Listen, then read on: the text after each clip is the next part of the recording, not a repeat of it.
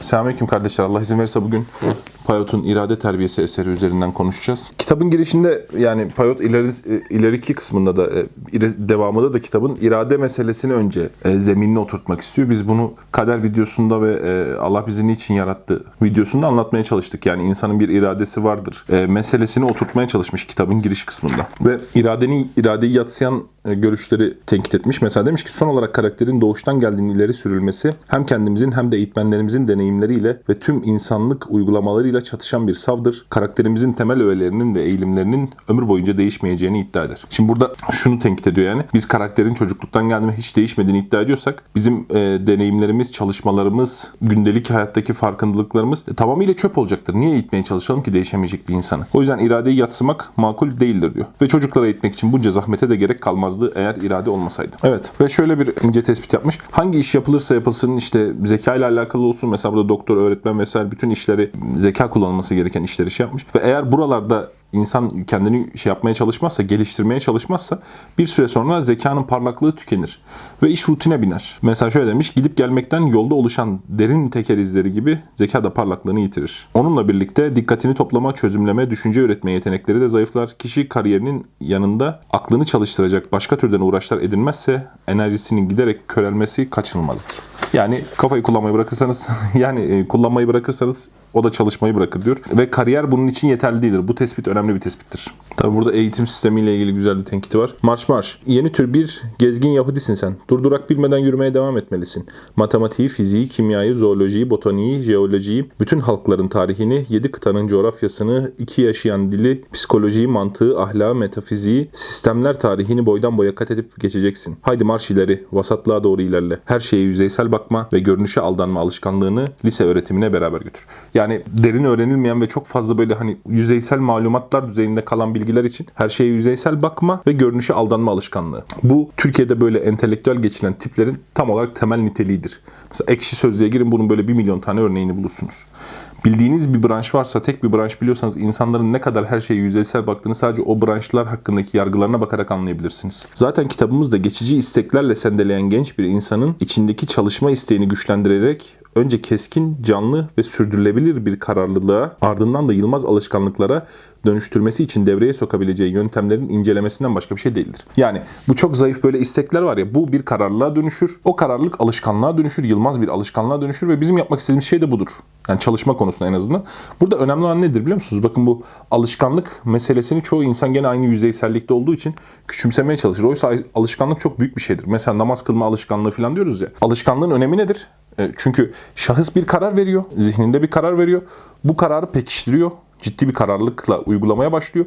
Bu kararlılığı o kadar net bir şekilde yapabiliyor ki bu artık alışkanlığa dönüşüyor ve bunun için iradesini zorlamasına gerek kalmıyor. Yani irade bu konuyu kapatmış oluyor. O yüzden bu mertebeye ge- getirebilmek bir işi çok önemlidir. Nebi Aleyhisselam'ın sünnetinde alışkanlık çok önemlidir. Değil mi? Neden? Çünkü ameller mesela nedir?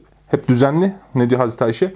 Hafif çiseleyen bir yağmur gibiydi. Çok ağır değildi. Bu, bu sayede devamlıydı. O yüzden bu alışkanlığı İslam sürekli oluşturmaya çalışmıştır sünnetler konusunda özellikle. Az yapılan, sürekli yapılan amel, çok yapılan ve kısa yani kısa dönemler yapılan amelden daha üstün görülmüştür mesela. Tabi burada az yapılmasının vurgusu da çok olan şeyin sürekli devamlılığının zorlaşacağı bağlamındadır. Bu çok önemli bir tespit e, ve şahsın yüzeysel olmadığını gösterir. Mesela ben bu bununla 30. sayfada karşılaştığım zaman dedim ki abi bir dakika burada düşünen bir adamla karşı karşıyayız. Çünkü işte alışkanlığı genelde insanlar çok yüzeysel baktıkları için küçümseme eğilimindedirler.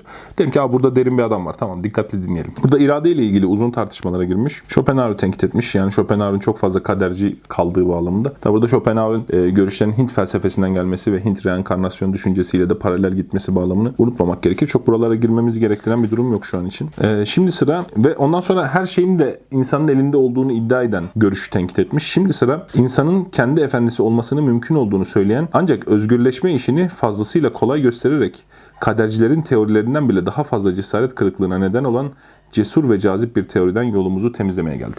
Yani her şey bizim elimizdedir işte çok e, kolaydır bu işler hemen karar veririz yaparız her kararımızın arkasında e, bizim sadece irademiz vardır diyen kanaati de tenkit etmiş. Yani neredeyse kader konusunda Müslüman olacak. Payot uzun zahmetli ve tümüyle azimli bir çaba gerektiren kendini özgürleştirme işini genç insanlara sanki çok kolaymış. Parmak şıklatmayla hal elde edilebilirmiş gibi sunmak onları baştan büyük düş kırıklığına mahkum etmektir. Ve şöyle güzel bir aforizma da koymuş. Özgür olma hakkını kazanmayan kimse özgür değil. Değildir. Bunun altına da imza atarım. Evet, arzu gereklidir. Özgürleşme isteği olmayan yerde özgürlük olmayacaktır. Ne var ki bu yazgının acılı etkileri sadece belli sayıdaki insanlara vuruyor. Öyle ki özgür irade yanlıları dahi onların kötü bir kadere sahip olduklarını düşüneceklerdir. Ve irade psikolojisi kısmına geçmiş. Düşüncenin irade üzerindeki etkileri. Ve şu noktadan şey yapmış. Bir düşüncenin harekete geçirme kuvveti neredeyse her zaman duygusal durumlar dediğimiz esas güç kaynağıyla yaptığı işbirliğinden gelir. Her deneyim fikirlerin zayıflığına bizi daha da ikna eder. Yani nedir? Bir şeyin iyiliği ya da kötülüğü hakkında ya da yapmamız ya da yapmamamız gerektiği hakkında bir fikir oluşturuyoruz. Fakat bu fikir çoğu zaman o kadar zayıf kalıyor ki duygularımız karşısında. İşte nedir? Çikolata yemenin kötü olduğunu herkes e, biliyor ama yiyor herkes. İşte spor yapmanın gerekli olduğunu herkes biliyor fikren.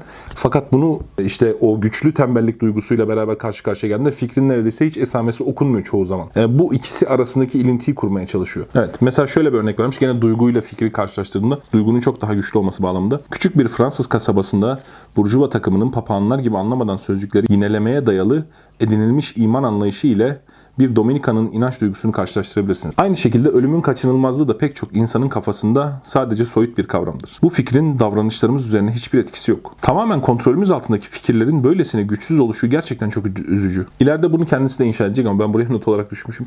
Fikirler duyguları oluştururlar. Fikir oluştu, güçlendi çok ciddi bir hale geldiğinde bir duyguya dönüşür. Bu duygu bir e, işte fiile dönüşür, bu fiil alışkanlığa dönüşür ve benzeri. Ama iş fikirden başlar. Ben böyle itiraz etmişim. E, daha sonrasında Payot da buna benzer şeyler yazmış zaten. Ve şöyle bir şey yapmış. Aynı sebepten zevkleri ve düşük kapasiteleri onları yüzeysel yapan ve gerçek duygularının ne olduğunu öğrenmek için kendi derinliklerine inmeyen maddeci kişiler de pek çok ilgi alanları varmış gibi görünmesine rağmen çoğu zaman hayatlarının ortasında aptal ve sıkıcı bir hale gelirler. Yani yüzeysel o işte bizim pseudo entelektüel dediğimiz tipler biraz daha şey yapıyor. E, ve kendi işlerine dair bir şeyler olmadığı için, tefekkürleri de olmadığı için geleneksel duyguları hissettiklerini hayal etmek gibi bir alışkanlık edinirler. Çünkü onların dünyasında hissediliyormuş gibi yapılabilecek en uygun duygular onlardır. Yani geleneksel böyle insanların söyleyip durduğu duyguları sanki hissediyormuş gibi kendilerini ikna ederler. Ancak bu alışkanlık gerçek duyguları deneyimleme ihtimallerini öldürür. İnsanlar ne der sorusuna boyun eğmek hiçbir orijinalliği olmayan hoş ve kibar insanlar yaratır. Hepsi de başkalarının ellerindeki iplerle harekete geçen güzel ve mekanik kuklalardır. En dehşet verici anlarda bile hissettikleri sadece geleneksel duygulardır. Yani yüzeysel o tavır çoğunluğun, geleneğin vesairenin e, işte hislerini e, yüceltmeye sonuç verir. Ve bu sayede çoğunluğun tavırları şahsın üzerinde belirleyici hale gelmeye başlar. Yani burada tabii işin yola çıkışı da fikri örgüden yola çıktığı için fikirleri yüzeysel olduğu için, duyguları yüzeysel, duyguları yüzeysel olduğu için de e, kalabalığa entegre bir şahıstan bahsediyor. Evet şöyle demiş, kararlarımız neredeyse her zaman içimizde alınır. Fakat bizim tarafımızdan değil. Bilinçli irademizin bunlara hiçbir katkısı yoktur. Bu doğru değil. E, buna katılmam. Çünkü burada subkorteks yani bilinçaltı kararlardan biraz daha dem vurmuş. Doğrudur. İnsan zihninde bunlar etkilidir. Fakat biz bunu bir kader bağlamı içinde nasıl anlayabiliriz? Şöyle anlarız. Şahıs bir fikir verir. Bu fikir orada onda yerleşir. Bir kanaat halini alır ve bu kanaati artık onun bilinçaltını oluşturur. O yüzden e, bilinçaltı pekiştirilmiş kanaatlerden ibarettir. Yani bilinç üstünün pekiştirdiği kanaatler bilinçaltı olarak faaliyet görür. Duygusal durumların şiddetine uysalca boyun eğen akıl iradeden istediği tatmini elde edemez. Çünkü irade akıldan aldığı tatsız emirleri yerine getirmekten hiç hoşlanmaz. Şimdi burada kısa vadede bu doğrudur. Yani duyguyla akıl çalıştığında kısa vadede her zaman neredeyse duygu kazanır. Fakat iş uzun vadeye döküldüğünde bütün duyguları evveline göre değişmiş birisi olarak söylüyorum. Yani ateist olduğum dönemde bugün olduğum hisler arasında dağlar kadar fark var. Bugün Filistin canımı yakıyor. O gün hiç umurumda değildi. E, bende duygu oluşturan bir şeyler var bu duygunun oluşmasında akıl çok önemli bir faktör. O yüzden uzun vadede akli kanaatler, akli fikirler, akli tespitler e, duygular oluşturur. O yüzden kısa vadede doğru olsa da uzun vadede her zaman katılmam buna. Ve gene önemli bir tespit. Bir ülkenin veya siyasal topluluğun iradesi çıkarlar, ortak korkular, ortak anlayışlar gibi duygusal durumlarının bileşkesidir. Soyut fikirler bir halkı yönetirken pek etkili değildi. Yani bu şahıs bazında geçerli olan duyguların harekete geçirmesi, fonksiyon fonksiyonu toplumlar içinde geçerli. Toplumlar soyut fikirler üzerinden yürümezler duygular üzerinden giderler. Ben gene bunda da aynısını toplumların fikirler üzerinden değiştirilebileceği, toplumlarda duyguların fikirler üzerinden oluşturulabileceği kanaatindeyim. Ve şöyle bu buraya kadar söylediği işte fikirler aleyhine olan kısımla ilgili e, bir örnek daha vermiş ve demiş ki demek ki köşeye sıkıştık. Kişinin kendisinin efendisi olma işi belli ki imkansız. Kitabın başlığı doğru değil. Kendine eğitebilmek bir hayal. Diğer yandan sadece düşüncelerimin üzerinde gücüm var. Yani buraya kadar söylediklerim birer varsayımda bu da, bunlar da doğru değil de diyor. En azından sizin anladığınız gibi değildi. Çünkü sadece duygulara bağlı olsak, o bilinçaltı işlere bağlı olsak ve sadece fikirlerimiz üzerinde irademiz varsa hiçbir irademiz yok anlamına gelir. Bu kitabın da bir anlamı olmazdı diyor. O zaman diyor ki kendini fethetme işine geldiğinde fikirler ve davranışlar arasında sağlam bir alışkanlık bağı kurulmalıdır. İkisi mutlak şekilde öylesine birleştirilmelidir ki fikir akla geldiğinde eylem de bir refleksin tüm dinçliği ve kesinliğiyle onu takip etmelidir. O zaman fikir arzulanan bir eyleme sağlam ve yıkılmaz biçimde lehimlenmek isteniyorsa onları duygu durumlarının harlı ateşiyle kaynaştırmalıyız. Böylece geri dönüşü olmayan şekilde birleşmeleri mümkündür. Evet bu çok güzel. Fikir, fikrin peşine duygu, duygunun peşine alışkanlık ve bunların birbirine muhteşem bir birleşimi. Ve bu şahs tutarlılığı da sağladığı için çok rahat eder. Ee, sahabe hayatında gördüğümüz şey budur. İnsanların namaz kılma tecrübeleri mesela buna benzer değil mi? Belli bir süre kıl alışırsın filan. Alıştıktan sonra ekmek su gibi olur. Eğer tekrar bıraksa mesela tekrar en başa dönecek. Fikren karar verecek. O fikri ısrarla uygulamaya çalışacak iradesini zorlayarak. Sonra o bir duyguya dönüşecek. Ondan sonra tekrar alışkanlığa dönüşecek ve rahat edecek e, gibi düşünebilirsiniz. Cimri biri para uğruna sağlığını, zevklerini, dahası dürüstlüğünü feda etmesi noktasına geliyorsa biz de zihin işçiliği gibi soylu bir amacı sevmeyi öğrenmek için günün birkaç saati tembelliğimizden feragat edebiliriz. Bir tüccar ileride emekli olup köye yerleşeceği düşüncesiyle sabahın 5'inde kalkıp akşam 9'a kadar müşterileriyle ilgilenir. Bizim genç insanlarımız da yüksek entelektüel kültürün sağlayacağı zevki gelecekte ve şimdi garanti altına almak için çalışma masalarında en az 5 saatlerini harcayabilmelidirler. İçinizden gelerek yaparsanız öyle olmaz. Ama yine de işlerinin çoğunlukla tatsız olduğunu varsayarsak fikirlerinizin çağrışım yasası sayesinde bu alışkanlık usanma duygusunu azaltacak ve çalışmanın bir zevke dönüşmesi uzun zaman almayacaktır. Yani e, başlangıçta belki böyle bir zorlanmanız olsa dahi Böyle insanları düşünün. İşte sabah 5'ten akşam 9'a kadar zengin olmak için çalışan tüccarları düşünün ve benzerini düşünün. Ve e, belli bir süre dayandığınızda zaten bunun keyfini almaya başlayacaksınız. Alışkanlığa dönüştüğünde e, keyfini almaya başlayacaksınız ki çoğunlukla da başlangıçta da keyifsiz değildir bu iş diyor. Şöyle güzel bir örnek vermiş 96. Koşarken olduğu gibi şeyleri genel hallerinde görmek tembel zihinlerin yöntemidir. Yani e, böyle sadece genel dış muhtevasını hani koşarken böyle derin bakamazsınız ya. E, böyle görmeyin diyor. Daha derinleşerek bakmaya çalışın. Bu e, fikirle uğraşan insanlar için önemli bir uyarı. Ve şöyle bir şeyden bahsetmiş.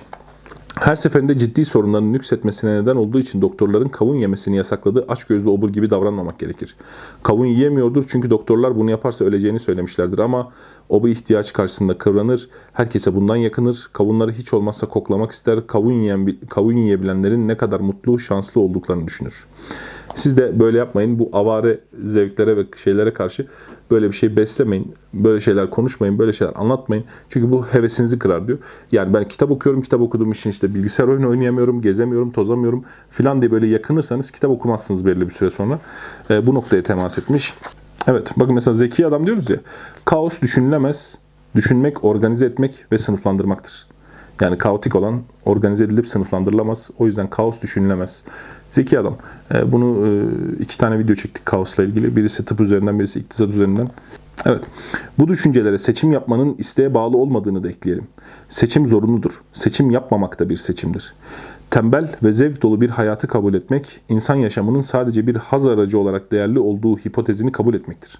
Bakın, tembel ve zevk dolu bir hayatı kabul etmek, insan yaşamının sadece bir haz aracı olarak değerli olduğu hipotezini kabul etmektir.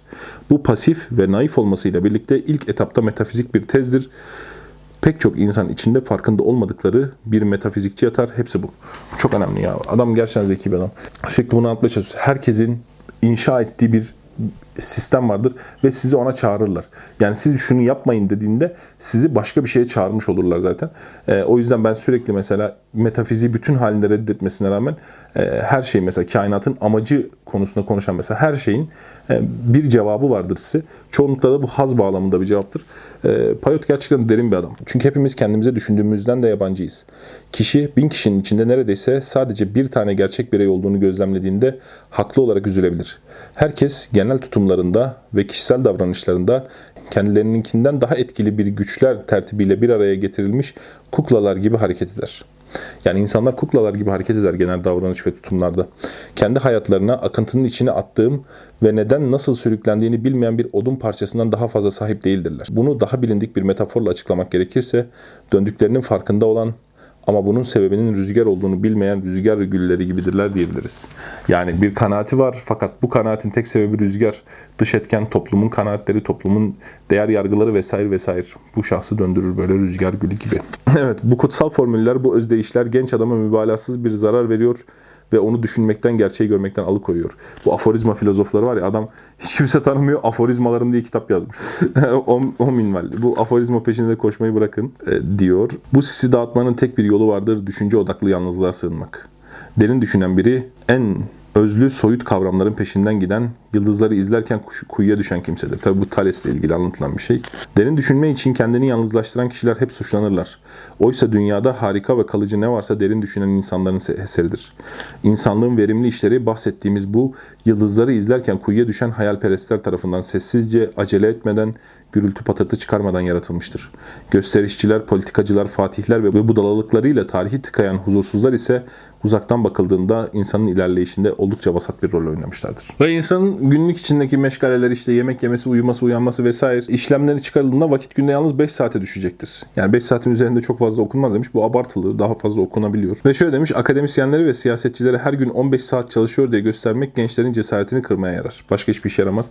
Ben de bununla hemfikirim. Abartılı hikayelere inanmayın. Sözüm sürekli bundan e, tekrar ediyor. Bu neleri bilmiyoruz videosunda bunu vurgulamaya çalıştım. Bu abartılı örnekler hep size aa bunlar başka bir adam biz değilmişiz hissiyatı verir. Mesela menkıbe kitaplarının falan da çoğu böyledir. Onu izleyen insan yapmak için teşvik olmaz. Der ki ya bu başka bir adam ben başka bir adam. Ben bunun gibi olamam. Biz kimiz ki bunların yanında der. Onları böyle acayip bir kategoriye sokar ve çalışmaz. E, o yüzden bu tarz abartılı menkıbeler doğru değildir. Ama 5 saatte çok abartılı bir süre değil. 5 saatin üzerinde okunur. Öğrenci için önemli olan hiçbir zaman boş kalmamaktır. Kaybedilen anlar sonsuza dek geri döndürülemeyeceği için eşsiz bir değere sahiptir. Ama ben bu konuda programları saatleri önceden sabit olarak belirlenmiş, çok iyi hazırlanmış çalışma tablolarını, titiz, sert kuralları desteklemiyorum. Ben de desteklemiyorum. Muhtevayı içeren programlar olması gerekir. Yoksa her dakikası planlanmış bir şeye insanın uyması mümkün değildir. E, uykunuz olur yani o saatte. Ders çalışma saati yazmışsınızdır, uykunuz vardır. Vesaire. Bu kaybedilen anların geri döndürülememesi, işte boşa harcamamak, bu zaman yönetimi videosunda söylemeye çalışmıştım bunu.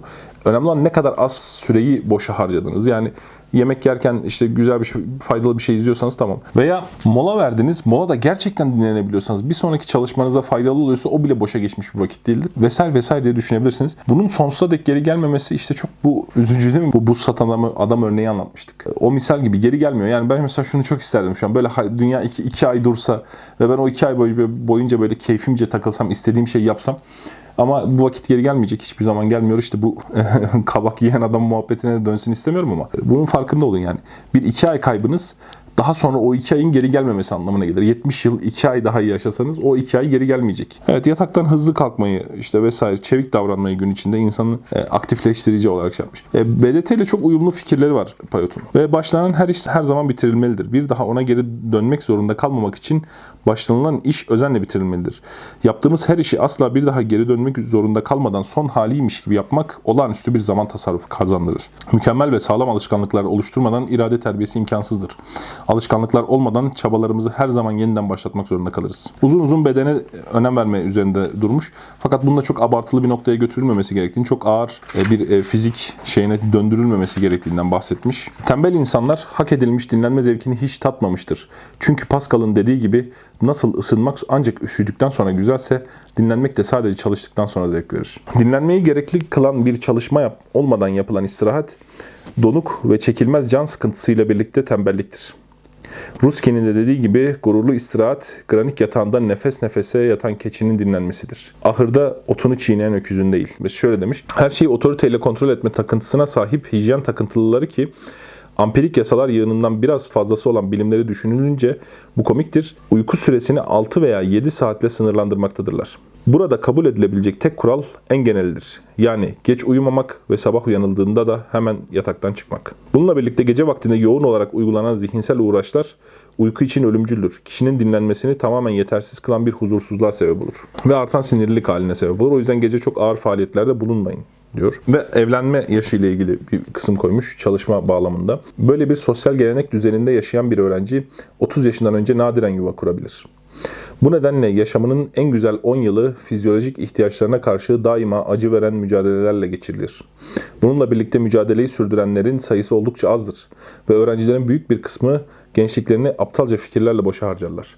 Yani fizyolojik ihtiyacına direnmesi gerekir 30 yaşına kadar e, geç evlenme e, mevzu bahis olduğu için ve çok az kişi buna direnebilir. O yüzden aptalca şeylerle geçirirler. Nedir işte e, bir kızın gözüne girmeye çalışma, bir oğlanı etkilemeye çalışma ve benzeri gibi çoğunlukla da buna sosyal medyada e, aşinasınız. Geç evlilik modasının neden olduğu talihsizlikleri tahmin etmek ne kadar da üzücü.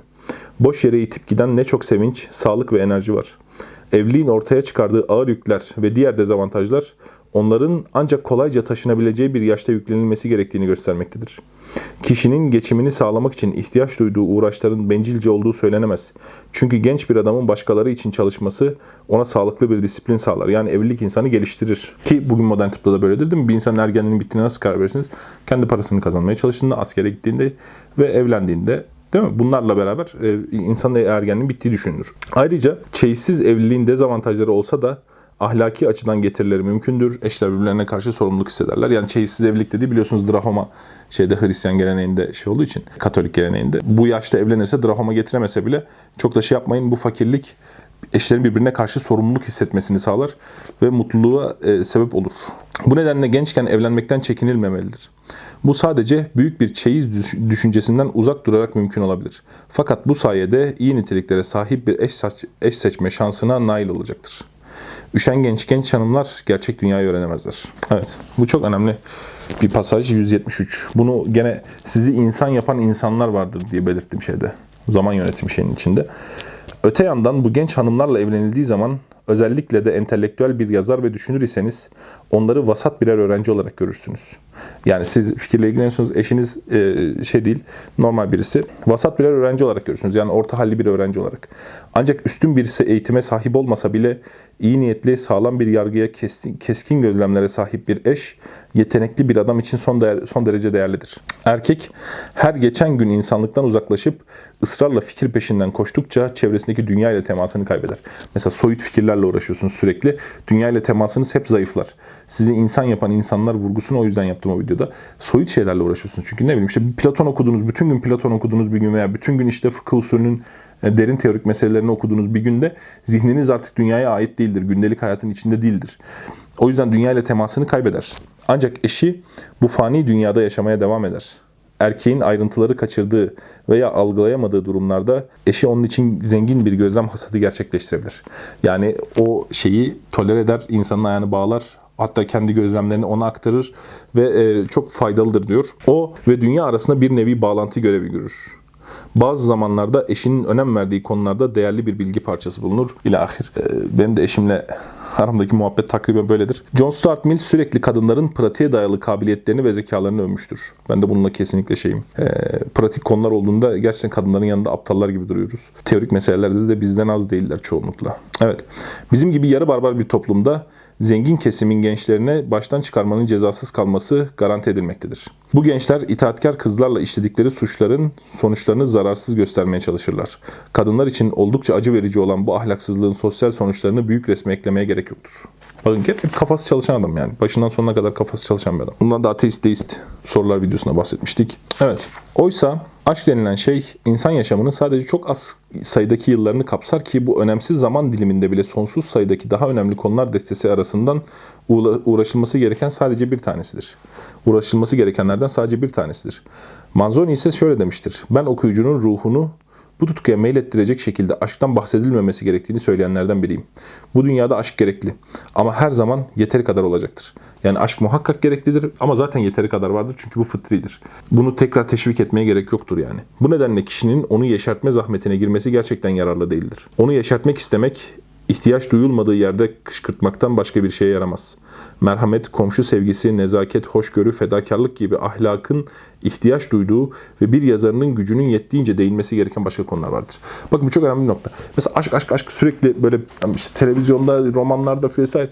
Ya bu tamamen boş boş artık yani. Türkiye'deki, dünyadaki bu şey insanlar uyutmaktan başka hiçbir şey yaramıyor. Bakın bir şöyle zihninizi bir kurcalayın. Kaç kere şey duydunuz? İşte çocukken aşık olmuşlar, sonradan işte 30 yıl sonra birbirlerini bulmuşlar ama aşkları hiç körelmemiş vesaire. Tamam böyle böyle hikayelerden 1 milyon tane film izlediniz. Kaç tane roman okudunuz bu hikaye üzerine kurulu? Kaç tane gördünüz bundan? Etrafınızda kaç tane duydunuz bu şekilde? Bu hayatın gerçeği değil. Hayatın gerçeği bambaşka bir şey. Ve sanat da değil bu. Tamam bunun insan hayatıyla bir bağlantısı yok artık. Yani absürt absürt şeyler herhangi bir dizi, herhangi bir filmdeki böyle aşk örgüsüne bir bakın. Hayatınızda bunun mislini siz hiç görmediniz. Sizin tanıdığınız birisi de görmedi. Ama bu sürekli sanki böyle hayatın tek yegane gerçeğiymiş gibi. Ben size mesela hayatın gerçeğini söyleyeyim. Sanat çekilecekse, film çekilecekse gelin asgari ücretle geçinen bir ailenin hayatını çekin. Değil mi? Bu adamın gayretlerini, çalışmalarını ben e, ne hayatlar gördüm yani. E, 12 saat çalışan bir babanın hayatını çekin mesela. Değil mi? E, İşte çocuğun istediğini alamayan bir annenin dramını çekin. Ve benzer ve benzer ve benzer tonlarca şey var bununla ilgili. İnsanların hayatlarında film gibi tonlarca şey var. Hepinizin hayatında var. Bundan adım gibi eminim. Hepinizin hayatında film gibi olan şeyler var. Bunların hiçbirisine dokunmayan ve sadece aşk üzerinden böyle artık mide bulandırıcı düzeye gelmiş bir sanat algısı var ve bunların hiçbirisi sanat değil, çerçöptür. Kapitalizmin insanları uyutma amacından başka bir şey değildir. Fazla mı sınırlı diyor. Tembellerin tümünün aşık olmasına izin verin. Bırakın olsunlar.